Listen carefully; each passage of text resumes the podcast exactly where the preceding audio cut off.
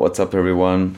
This is the Simple Swedish podcast by the Swedish linguist, and um, today I was uh, going to record a normal podcast without a without writing a text first, but I just started writing, you know, like some some points, and it turned out to be a full text. So I decided to um, to make it an article so I'm just gonna post the article on my website, swedishlinguist.com, and you can read the text from there. So, and I'm, I'm curious what you what you all think. Is it do you think it's better when I have the text first and read the text, or do you think it's better when I just talk and then I make the transcript after? Because that's the the default form of this podcast. I just talk and then I write the trans- transcript after.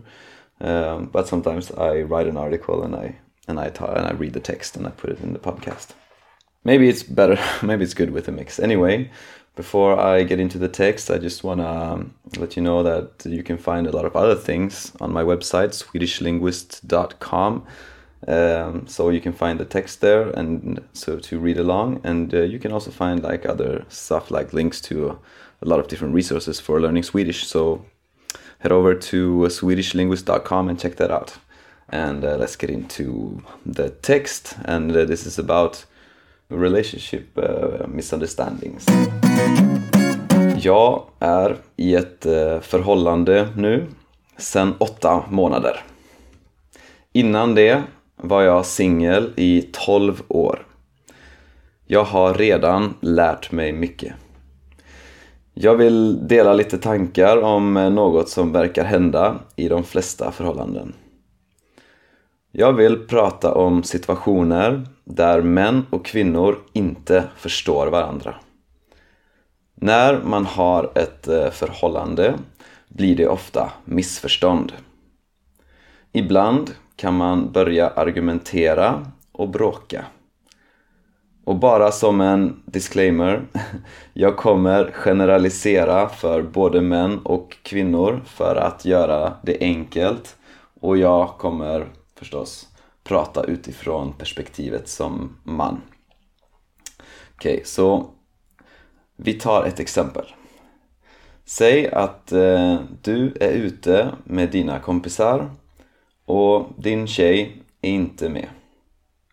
Du skickar en bild till henne eller du kanske delar en bild på sociala medier. Hon ser att du är ute och har kul med dina vänner. Senare, när ni pratar, är hon sur. Du förstår inte varför.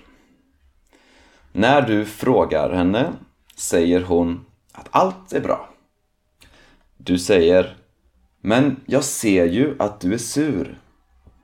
Hon blir ännu mer sur och säger du kan väl gå och träffa dina vänner då, som inte är sura. Du blir frustrerad och förstår inte varför hon säger så. Ni börjar bråka. Varför säger hon inte bara vad som är fel? Det här är bara ett exempel. Men det brukar följa ett mönster. Du märker att något är fel. Du vet inte vad som är fel. Men hon vill inte säga vad som är fel. Eller ännu värre, hon säger något helt annat och du blir ännu mer förvirrad.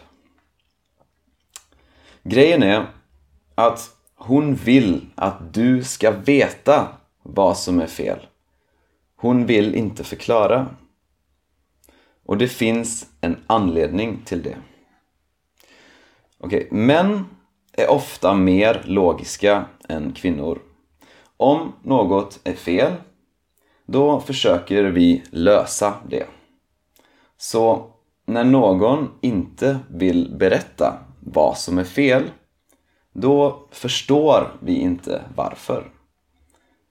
Och det är ofta annorlunda för kvinnor. För kvinnor är det extremt viktigt att hon känner sig uppskattad och trygg i ett förhållande. Hon behöver känna att du förstår henne. Om hon inte känner att du förstår henne, då känner hon sig inte trygg. Hon kan inte lita på dig. Så hur kan hon veta att du förstår henne? Hur kan hon lita på dig? Om hon alltid berättar klart och tydligt för dig vad som är fel, hur kan hon då veta att du förstår henne? Det är därför hon inte alltid vill vara tydlig. Hon vill känna att du vet vad hon behöver. Hon vill känna att du förstår henne. Det är inte viktigt vad du gör med dina vänner. Vad du gör på jobbet eller med din familj. Det är viktigt att hon kan lita på dig och att du förstår henne. Så istället för att försöka förklara saker, istället för att fråga ut henne, visa kärlek, visa att du förstår henne, visa att du känner henne, visa att du bryr dig. Så ofta du kan.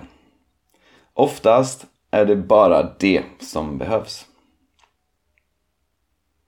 Okej, okay, det var den artikeln jag skrev idag och eh, Eh, ni kan hitta den här texten på swedishlinguist.com och där kan ni också hitta massa, massa andra resurser för att eh, lära sig svenska som till exempel min eh, Youtube-kanal där jag försöker förklara olika grammatiska koncept, uttal och, och så vidare. Eh, så det var allt för idag ha det så gött så hörs vi nästa gång.